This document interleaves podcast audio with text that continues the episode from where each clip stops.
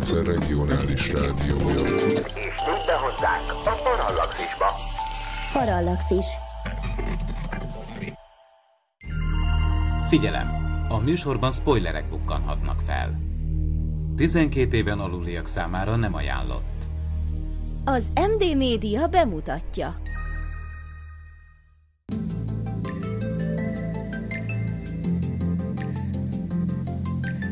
Tudományos és fantasztikus beszélgetések színművészekkel. Az ntv.hu archívumából.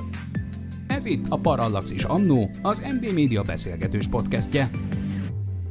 A Csillagkapu sorozat főszereplőjének magyar hangja, valami Amerika sztárja, Szervét Tibor színművész, mai műsorunk vendége.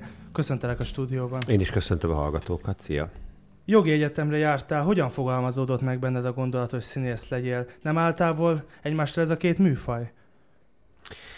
Ö, egyáltalán semmi közöm nem sikerült kialakuljon a joghoz az egyetem alatt. Tehát nagyon szerettem oda járni, írtó érdekes dolgokat tanultunk, de valahogy nem tűnt nekem úgy, hogy én egy egész életen keresztül ezzel foglalkozzak, az valahogy a rémisztően hatott. És volt bennem egyfajta idealizmus azzal kapcsolatban, hogy az embernek valamit kell kezdeni az életével, mert a kamaszkori olvasmányélmények azok valahogy errefelé orientáltak engem. Tehát, hogy valamit kell, valami hivatás, vagy valami olyan, amihez az ember tiszta erőből ragaszkodik, és akkor abban úgy alkot. És ezt nem láttam megvalósulni sem a mezőgazdasági jogban, sem a pénzügyi jogban, és ezért aztán, és megismerkedtem egy tüneményes lányjal, aki színésznő volt, mit tesz Isten, és azt gondoltam, hogy ahol ilyen édes nők teremnek, oda szeretnék én is menni. És aztán felvételiztem még, talán még azt már diploma előtt felvételiztem a, a főiskolára, csupa négy soros versel, mert akkor nem tudtam többet hirtelen megtanulni, mert ennek volt egy határideje, amire el kellett készülni. Hát azzal a mozdulattal ki is rúgtak. Akkor elmentem egy évre, vagy közel egy évre egy ingatlankezelővállalathoz, adminisztrációs munkakörbe, az is nagyon jó volt de onnan is felvételiztem, és onnan is kirúgtak, és aztán felvettek, mert közben elmentem Veszprémbe statisztálni. És így harmadjára sikerült. Nem tudom, hogy messze áll-e. Most már nem tudom, mert kezdenek összemosódni a dolgok, tehát például abban, hogy egy jó kereső ügyvédnek szintén van annyi szabadsága, mint egy színésznek, aki nyáron ugye elvileg nem kell, hogy dolgozzon. A másik része pedig az, hogy nekünk is kell dolgozni, mert abból nem élünk, amit megkeresünk a szezonban. Ne, nem tudom egyébként, ezt komolyan mondom, hogy nem tudom, hogy messze áll a kettő egymástól. Persze, igen, mert azért alapvetően a színész jó esetben mégiscsak a lelkével dolgozik, az ügyvéd meg az, vagy a, a, egy jog, jogművelő ember pedig alapjáraton azért az eszével. Jó esetben. Mind a kettő jó esetben. Ugye Jászai Maridi fővárosi művészeti díj, Súgó Csiga díjas 2000, kétszer, 2002-ben és 2003-ban elnyerted a Radnóti közönségdíjat. És most mindjárt közbevágok, mert nem tudom eléggé örömteli szívvel elmondani, hogy a tegnapi társulati ülésen megint én lettem a Radnóti Színház közönségdíjasa, és ez nagyon váratlanul ért, és talán azért is, mert ennyire váratlan, talán azért is, mert uh, tulajdonképpen egyetlen egy rendes szereppel álltam én ki az idén, a, a Szilvia Kában a Martinnal. De semmi se hasonlítható öröm, és most aki hallgatja, az mindenkinek mondja el, hogy az összes szavazónak és a Radnóti Színház egész közönségének én nagyon meghatottan és szívből köszönöm, mert ez nagy dolog ám. Akkor magyarul háromszor nyerted el ezt a díjat. Így van. Azt akartam egyébként kérdezni, hogy gondoltad volna annak idején, hogy ilyen sikereket fogsz elérni a színészet terén? Nem. Nem, de nem is tudtam, hogy milyen sikereket lehet elérni a színészet terén. Én úgy gondoltam, hogy azért megyek el színésznek, mert valóban olyan érzések vannak bennem, amit, hogyha tehetséggel át tudok adni egy szerepen keresztül, akkor azt a nézők is átélik, és akkor a nézők attól meghatódnak, vagy nevetnek, vagy valami hasonló történik velük. Tehát semmiféle sikerorientáció nem volt bennem, mert mondom, butában mentem neki az egésznek. És főképpen az a nagyon jó, ahogy így most ezt végig és akkor ne hagyjuk ki, hogy még Miskolcon is voltam ilyen közönségdíjas, hogy szemmel láthatóan a közönség az bírja azt, amit én csinálok. És ez két külön dolog, a szakmai díjazottság meg a közönségdíj. A súgócsiga is közönségdíj. Az nagyon jó dolog, amikor a nézőnek ilyen közvetlen lehetősége van arra, hogy megmondja, hogy neki ez meg ez tetszik, és hát írtó megható, szóval nagyon hálás vagyok ezért. Te a közönségdíjat fontosabbnak tartod? Talán. Nem. Nem tartom fontosabbnak, de legalább olyan fontosnak tartom, mint a szakmai értékelést, és közvetlenebbnek tartom, tehát manipulálatlanabbnak, ha úgy tetszik, mert a nézők nem dumálják meg egymással, hogy figyelj, tavaly X, tavaly előtt Z, most legyen mondjuk a Tibi. Tehát ilyen nincsen benne. Míg a szakmai díjaknál igenis van egyfajta kavarás. Nem úgy értem, hogy suskus vagy ilyesmi, hanem ott különböző mértékek és értékek ülnek össze asztalnál, és azt mondják, hogy figyelj, a Józsinak mamá azért nem, mert mégiscsak viszont Z öreg, és akkor neki. De ezt hozzá akarom tenni, hogy a szakmai díjak is szinte mindig nagyon jó találati arányúak. Tehát jó helyre mennek. Érted? De, de mondom, legalább párhuzamos értéknek gondolom a közönségdíjat. Van olyan díj, amit szeretnél magadénak tudni? Ilyen nagyobbakra Hogy az Oscar, vagy ilyesmi? Hát például. Nagy dolog lenne, szó se róla, de ha az ember reálisan belegondol, különösebb esély nincs rá. Bár most a Cserhalmi Gyuri már legalább kint volt, az is nagy dolog. Van szerepálmod? Nincs. Egyáltalán semmi? Nincs. Nagyon nagy szerepeket játszottam. Ez a szerencse része a dolognak, ami nem elhanyagolható, sőt, van egy rejtő idézet, amit pont tegnap mondtam a gyerekemnek, hogy na és akkor kiderült 13. Penktok Pácz Tivalt számára, hogy mit ér a szerencse munka, odaadás, szorgalom és befektetett energia nélkül. Rengeteget. Ott volt előtte a nyitott páncélzeknek, csak el kellett pakolni a tartalmát, és fejbe kellett ütni művészi mánuelt egy ezüst tálcával, és kész. Tehát a szerencse nagyon sokat számít. E- Ez, ezek, ezek szerencsés találkozások, vagy szerencsés ö, ö, adások az életben, hogy én olyan szerepeket játszottam el, hogy, hogy az őrület. Tehát, hogyha egyáltalán ismerem a drámairodalmat, amikor színésznek megyek, akkor ennek egy jelentős részét igenis kívántam volna.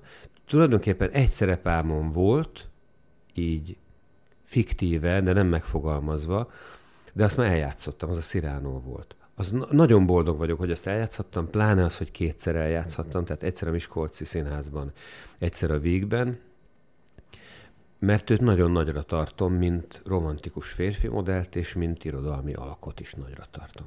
De most nincsen. Még egy valaki van, akiben egy nagyon bele vagyok esve, mint szerepbe, az a Don Quixote. Őt nagyon szeretem, mint lényt. Azt az egész mm, tébolygását, amivel ő másnak akarja látni a világot, mint amilyen. És a végén ugye a musical törvényei szerint meg is fertőzi a környezetét, és mindenki szebbnek látja körülött a világot, azt nagyon szeretem. Az előbb említetted a Miskolci Nemzeti Színházat, színházat ugye ott rendeztél is Neil Simonnak a Mezitlába Parkban című művét. Van. Hogyan fogadták, milyen volt a színészeket dirigálni, és ők ezt hogy fogadták, illetve a közönség hogy fogadta ezt a...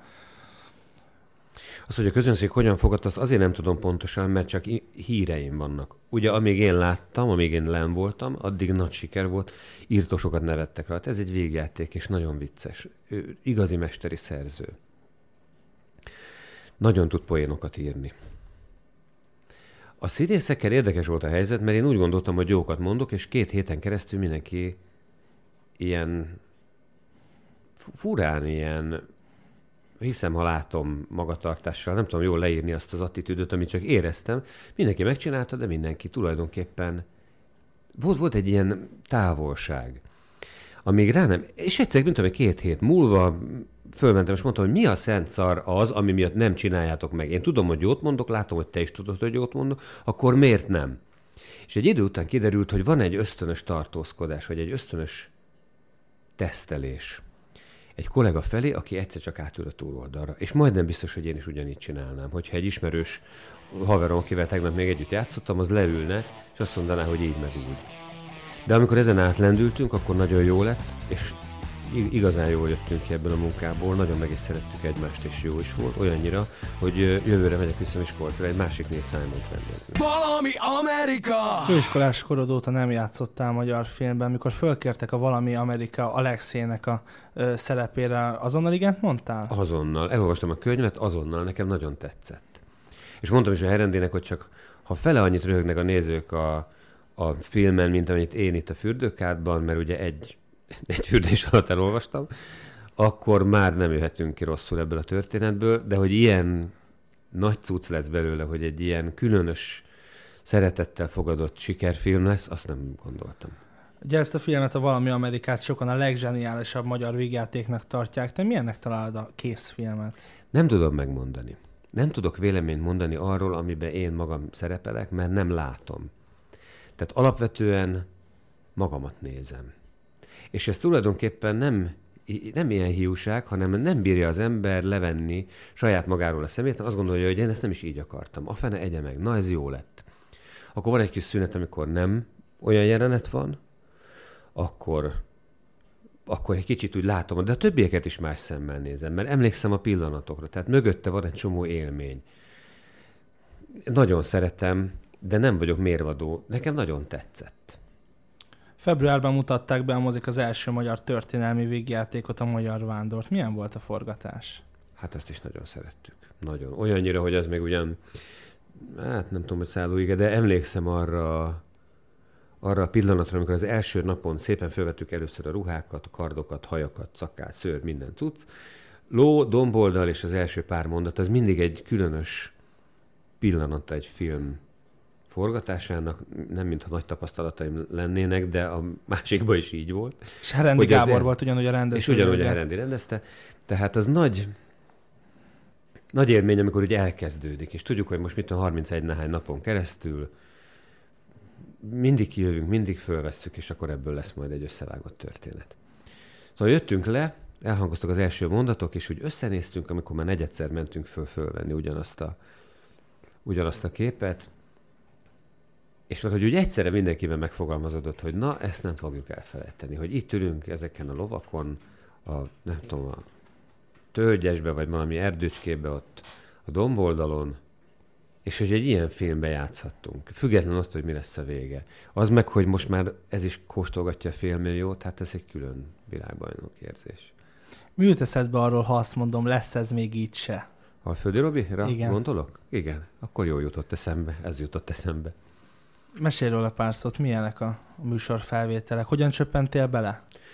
Ezt én is mindig megkérdezem, hogy hogy csöppentem, kinek juthattam én eszébe, mert én valahogyan furán érzem magam a média, különösen a televíziós média világában, mert hogy nem bírom nézni. És szabad-e akkor az embernek egyszerűen morálisan egy olyan munkában részt vennie, amit talán saját maga nem is nézne. De ahogy alakultak a dolgok, és ami felé ez a műsor elment, azt úgy gondolom, hogy kif- az a nagyon értékes dolog. És a hülyeség mindent elborító tengerében, ez igenis egy jó irány, vagy egy jó kis sziget, vagy egy jó kis ö, együttlét, ami főként azért van, egyrészt most már nagyon összeszoktunk, és jól tudunk együtt dolgozni, amennyiben ez egyáltalán munkának tekinthető. A másik, hogy olyan általában olyan helyes emberek vannak oda meghívva vendégségbe, akik mindenféle televíziós műsortól függetlenül élményt jelentenek. Tehát akikkel jó találkozni. És, és ez ma, nagyon jó, hogy olyan emberek szólalnak meg, igaz, hogy marha későn és ma alig van ébren ember, a tévében, mint a hangkis elemér, vagy mint egy mozgássérült fiú, akiből árad a vitalitás, és e, tényleg a pofába röhög a halálnak, vagy ennek az egész kétségbejtő helyzetnek, amiben belekeveredett, írtó megható nézni az, az életerejét, meg az akaratát, de a Mednyánszki Ágitól a nem tudom kicsodán keresztül mondhatnám az egész névsort, mert szinte mindenki kivétel nélkül nagyon érdekes. És érdekes volt velük együtt lenni. Bennem van valószínűleg egy ilyen ügyetlenség ennek a televíziós munkának a gyakorlása során, ami, hogy nem, én nem tudok igazából viselkedni. Tehát ha nem érdekel, és ez mindig barátaim és üzletfeleim, akik nézik, azt mondják, hogy szedd már össze magad, mert a szád borzongató, hogy te hogy tudsz ott unatkozni. Én mondom, nem unatkoztam, csak nem tudtam, nem jutott eszembe semmi. De akkor tegyél úgy, mintha eszedbe jutna valami, mert ez így borzalmas, nem lehet téged nézni. De amikor meg érdekel, akkor nagyon érdekel, és akkor szeretem. Ha hozzánk hasonlóan neked is szenvedélyed a tudomány és a fantasztikum, és szívesen lépsz be a Parallaxis univerzumba, arra kérünk, hogy legyél a támogatónk és segíts te is az ismeretterjesztést. Látogass el a patreon.com per Parallaxis címre, ahol a különleges tartalmak mellett már akár napokkal korábban hallgathatod a Parallaxis podcast legújabb részét. patreon.com per Parallaxis.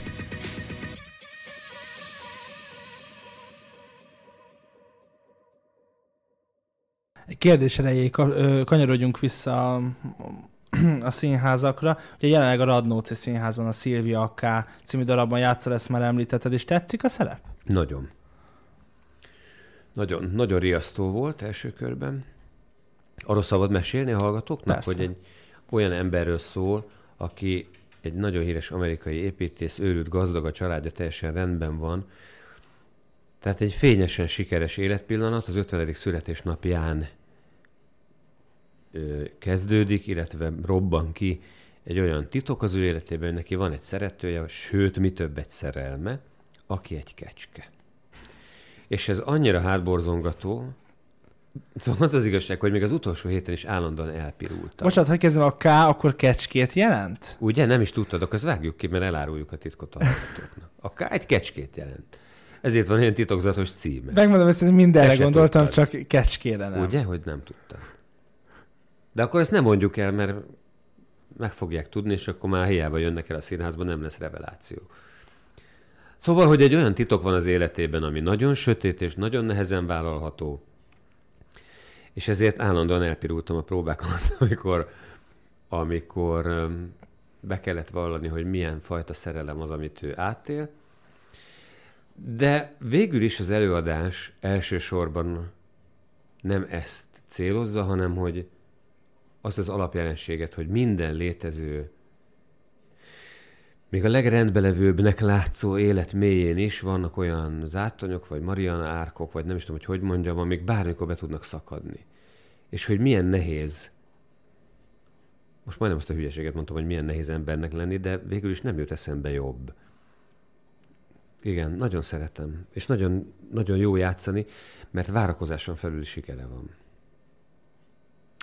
Hogyan tudod összeegyeztetni a színházat, a szinkront, a magánéletedet? Jut elég időd a családodra? Illetve mindenre, amit szeretnél megcsinálni? Nem.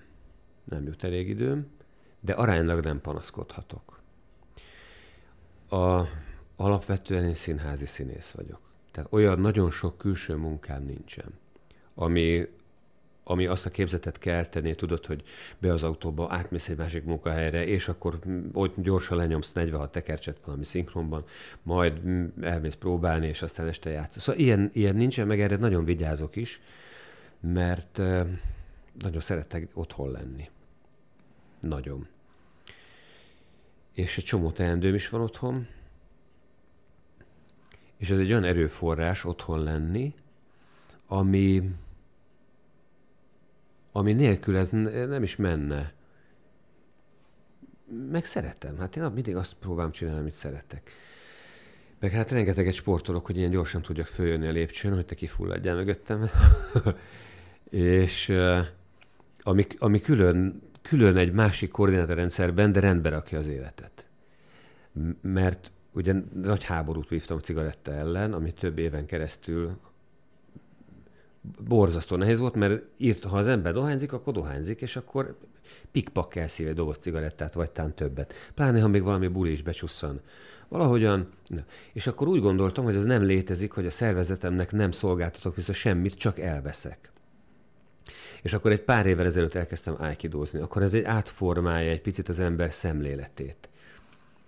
Mert alkalmat ad arra, hogy egy kicsit csöndbe legyél, hogy ne kelljen állandóan dumálni, és nagyon szép gondolkodásmód vagy filozófia is társul ezekhez a távol-keleti sportokhoz. Na de hogy ez bírjam erővel, elkezdtem egy kicsit futni. Akkor külön szerelmem volt a lovaglás, ar- arra is kellett időt szakítani. És így a dolog rakódott, rakódott, és barátaim és üzletfelém azt mondták, hogy meg fogsz hibbanni, figyeld meg, és a végén magokat fogsz enni.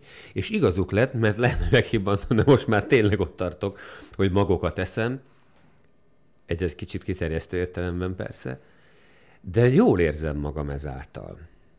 De honnan keveredtem ide? Várjál, az élet struktúráltsága. És a sport az rendbe rakja az életet, mert egy csomószor ugyan elmész úgy, hogy hajnali négyig ittál meg bulisztál, de nagyon szarul érzed magad másnap, még akkor is, ha délután háromkor van az edzés. És egy idő után úgy gondoltam, hogy nem éri meg. És nem csak úgy gondoltam, de úgy is éreztem, hogy nem éri meg. És akkor kezdtek elmaradni. És ezáltal mondom, valahogy olyan rendben, várjál, újra kezdem, tehát rendben lettek a dolgok. Jack O'Neill karaktere mennyire áll közel hozzád? Hát ez, ez csak nehéz megválaszolni, mert nagyon, én nagyon bírom magát a Richard Dean Anderson-t. Tehát a fejét, hogy kinéz. Tudtad, hogy És hasonlítatok szerettem- egyébként? Igen, nagyon hízelgő számomra, szerintem ez sokkal jóvágásúbb csávó, mint én, de akkor is van, tényleg kétségtelen van némi hasonlíthatóság. Ez az egyik. A másik, hogy amikor a csillagkapu elkezdődött, akkor egy olyan leleményes sorozat volt, amilyet én nem láttam. Nem vagyok híve a tévésorozatoknak, mert egyrészt kábítószer jellegűen hat, tehát ha véletlenül nézed, akkor muszáj nézni. Másik, hogy hát általában tiszta hülyeség mindegyik. És meg szerettem a történeteket. Különösen az e- első, nem tudom, 30-40 rész olyan szellemesen volt megírva. Én szeretem a science fiction nagyon sokat cseperedtem rajta. Ő főképp olvasmányérvények alapján. De én nagyon bírtam ezeket a történeteket. Azt nem tudom, hogy neki van-e egyáltalán. Most az utóbbi tucat epizódban érezhető, hogy őt el akarták vinni egyfajta szarkasztikus és, és ironikus mm, figura felé. Ez néha jót tett neki, néha nem. De mondom, nagyon, én szeretem, hogy játszik. Tehát lát, láttam például őt más szerepekben, amiben kifejezetten jó volt ez a színész. És az jó dolog olyan színészt szinkronizálni, akinek úgy egyetértesz a munkájával. Ha időd engedi, megnézed a sorozatot? Hát egyszer láttam, vagy kétszer egész életemben. De mondjuk főszereplő vagy elég sokat látsz a stúdióban. Sokat látok a belőle. stúdióban, igen, de egy csomó dolog teljesen megdöbbentő volt, és amikor a gyerekem meg az anyukája nézték, és mondták, hogy gyere, mert most akkor a felismerhetetlenség nem tudtam, hogy miről van szó, és kérdezték tőlem, meg a kisfiam osztálytársai szokták kérdezgetni, hogy mi lett a... Várjál, semmi se jut eszembe. Mi lett a Segítsek? tokrákkal, meg a, azzal a hajóval, mi lett, ahol az a nem tudom ki ült, és ugye gőzöm nem volt, hogy miről lehet szó, és csak nagyon nehéz, mert ugye egyszerre két részt veszünk fel. Vagy vettünk, mert ez most már nagyon úgy néz ki, hogy múlt időbe kell kerüljön. Ö, meg minden héten, és akkor mint a havonta nyolcat. És ez annyira előre dolgozik az ember, illetve a stúdió kényszerűségből, hogy mit tudom, két hónap múlva megnézel egy részt, akkor már nem tudod, hogy mi volt. Mi volt, hogy volt. És kérdezgették is, hogy az az űrhajó, az meg kié, meg mi van a... Hogy hívják a fő ellenséget? Goa'uld. A Goa'uldokkal, igen. Úgyhogy nem vagyok belőle napra kész egyáltalán. Volt kedvenc epizódod? Volt egy csomó, amit nagyon szerettem, de ha megölsz, se bírsz- bírok egyetlen példát sem mondani. Egyszer nagyon szerettem, azt tudom, amikor meg kellett öregedni. Volt egy olyan, amikor valahogy exponenciálisan felgyorsult az idő, azt hiszem csak magának, O'Neill ezredesnek a szervezetében, és akkor azt nagyon szerettem, mert nehéz volt szinkronizálni. Meg volt olyan, ami szintén nagyon érdekes volt, mert azt hittem, hogy bele fogunk mi egymásba szeretni a milyen Carter szám. Carter századossal. De valahogy ezt kivédték ügyesen az írók. Mert lehet, hogy egy marhaság lett volna belőle. Szóval ilyen, én szerettem, igen. Térjünk most arra rá, amit már az előbb itt mondtál, hogy lehet, hogy múlt időben beszéltünk róla, illetve adáson kívül erről már beszéltünk, lesz csillagkapu jö- jövőbe, illetve ha lesz, akkor te leszel Jack O'Neill hangja? Biztos, hogy lesz csillagkapu, és nem valószínű, hogy én leszek Jack O'Neill hangja, mert fölhívtak az évad végén, hogy megint van egy csomó rész, ami 10 hetet venne igénybe a nyárból. És mondtam, hogy ez nem megy. Tehát én nem tudok bevállalni 10 hetet, amikor nem utazom el, mert egyrészt halálosan ki vagyok nyúlva, mert nagyon nehéz időszakok vannak mögöttem, másrészt igenis el akarok menni nyaralni, mert sze- szenvedélyesen szeretek nyaralni. A harmadik, hogy nem, harmadik nincsen, ez elég. És akkor akkor ö, abba maradtunk a stúdióval, hogy visszahívnak, és valamennyit elkezdünk, elő, ugyanúgy előre dolgozva, és majd meglátjuk a nyár végét. De ez a visszahívás már elmaradt. Tehát nagyon úgy néz ki, hogy, hogy úgy gondolják, hogy más valaki csinálja. Szerinted ki lenne alkalmas erre a szerepre? Nem tudom, de nem gondolkoztam még kapásból, meg nagyon nehéz bárkit is mondani, fogalmam sincs. Valamilyen science fiction sorozat, esetleg Orion űrhajó, ilyesmik vannak-e a te múltadban? Hát, é, persze, hát persze, Orion űrhajó van, Star Wars messze menően. Most megnéztem a Holnap után című filmet, és tulajdonképpen nem is tudok kihagyni ilyen filmeket. Az Alien, emlékszem, az első Alien, az ugye science fiction. Egy ilyen ak- science fiction akció, nem? Hát végülis egy űrhajó játszódik. Science fiction akció horror. Thriller. Ja, rettentő jó film egyébként. De arra emlékszem, hogy három haverommal ültünk be a moziba, kb. 17 évesek volt. Vagy ez már egyetem is? Egyetem alatt volt. Azt hiszem egyetem alatt volt. Tehát olyan 20 körül, mindegy. És beültünk, és utána olyan remegő térdekkel, és olyan falfehéren támolyogtunk ki, mert akkoriban ez a műfaj, ez az ijeszgetős film, ez tiszta újdonság volt. És hát nagyon nagy hatással volt. De igen, meg én olvastam nagyon sok ilyet. As- Asimovot, Bradbury-t, Lemet. A mai napig előkapkodom a Kiberiáda című, nem tudom, hogy ti biztos jók vagytok ebbe. Nagyjából, Nagyjából. rá. A Kiberiáda című lemkönyvet, ami ilyen science fiction mesék gyűjteménye, azt már elkezdtem a gyerekemnek is olvasni, hadd örüljön, és némi húzakodás után meg is szerette. Igen. Melyiket szereted jobban, az írott science fiction vagy a vagy amit látsz, filmet, vagy, vagy sorozatot? Ugye mondtad, sorozatot nem nagyon nézel. A sorozatot nem, mert azt sem tudom, hogy van ilyen. Ma van science fiction Hát van, sorozat a van, tévében? Van, van science Igen? fiction, nem Mi? is egy. Hát Viaszat 3-on uh, Farscape, uh, Star Trek, ugye uh-huh. Csillagkapu a TV2-n. Vannak science fiction sorozatok. Az Orion űrhajót azt néztem.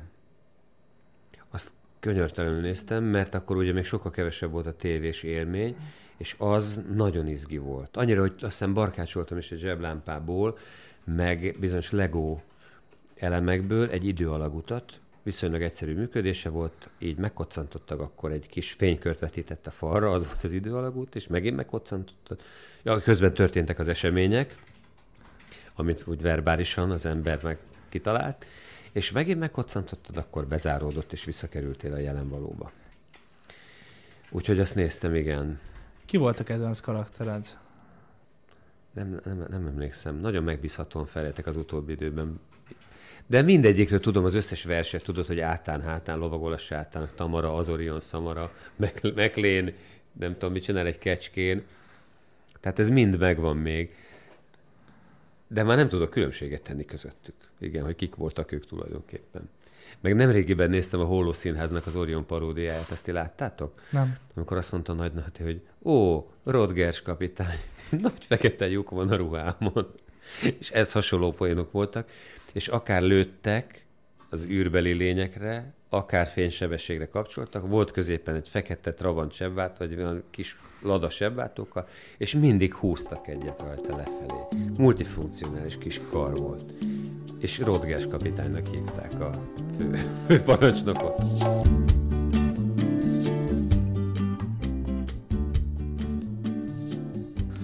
Ö, amikor megnézel egy filmet, akkor te mennyire tudsz azonosulni a, a, a szereplőkkel, szereplővel? Úgy nagy átlagban bármilyen filmről beszélünk. Nagyon. Szóval ez a végig izgulós, ö, ö, néz hátra, mert ott van mögötted típusú néző, vagy, vagy Ha igazán jó film van, akkor rettetesen bele tudok feledkezni. De még ha nem igazán jó film, akkor is azért nagyon elvisz, mert most már egyrészt a képi technikák olyanok, hogy hanyat vágódok tőle. Tehát ez a Holnap után című film, amiben azért több helyütt rögtünk a lányal, akivel néztem. De még így is vannak olyan meghökkentő hatások benne, ami hát szóval beszarás. Ezt most nem tudtam hirtelen jobb szóval titulálni. Nagyon nagy erejű. De a Gyűrűk urában is nagyon szerettem azt a csata jelentet ebbe a Gyűrűk ura 3 És aztán az a probléma nekem, hogy nem sikerül igazán jó filmet csinálni belőlük. Tehát egy csomó nagy eszköz áll rendelkezésre, például a Gyűrűk uránál van egy nagy alapanyag, és van egy csomó pénz, és van egy csomó technikai fantázia. De miért kell túllépni a gics határt? Mert nem bírnak ellenállni. Mert az amerikai és az angol száz filmekben nem bírnak ellenállni, ahol ennyi pénz van, hogy legalább egy órát ne sírjon egy-egy főszereplő. És ezáltal tökéletesen elveszik a néző lelkében a hatást, mert ő már nem tud sírni. Nem volt elég a tudományból és a fantasztikumból? Olvasd a parallaxis.emtv.hu, lájkold a Facebook oldalunkat, nézd a YouTube csatornánkat, és hallgassd a Szokolébresztőt a Tilos Rádióban. A Tudományos Újságíró Klubja és a Tudományos Ismeretterjesztő Társulat által a Juhari Zsuzsanna díj külön díjával jutalmazott blog podcastjét az MD Media készítette. Kreatív producer Horváth Ádám Tamás. Hamarosan jön a következő rész.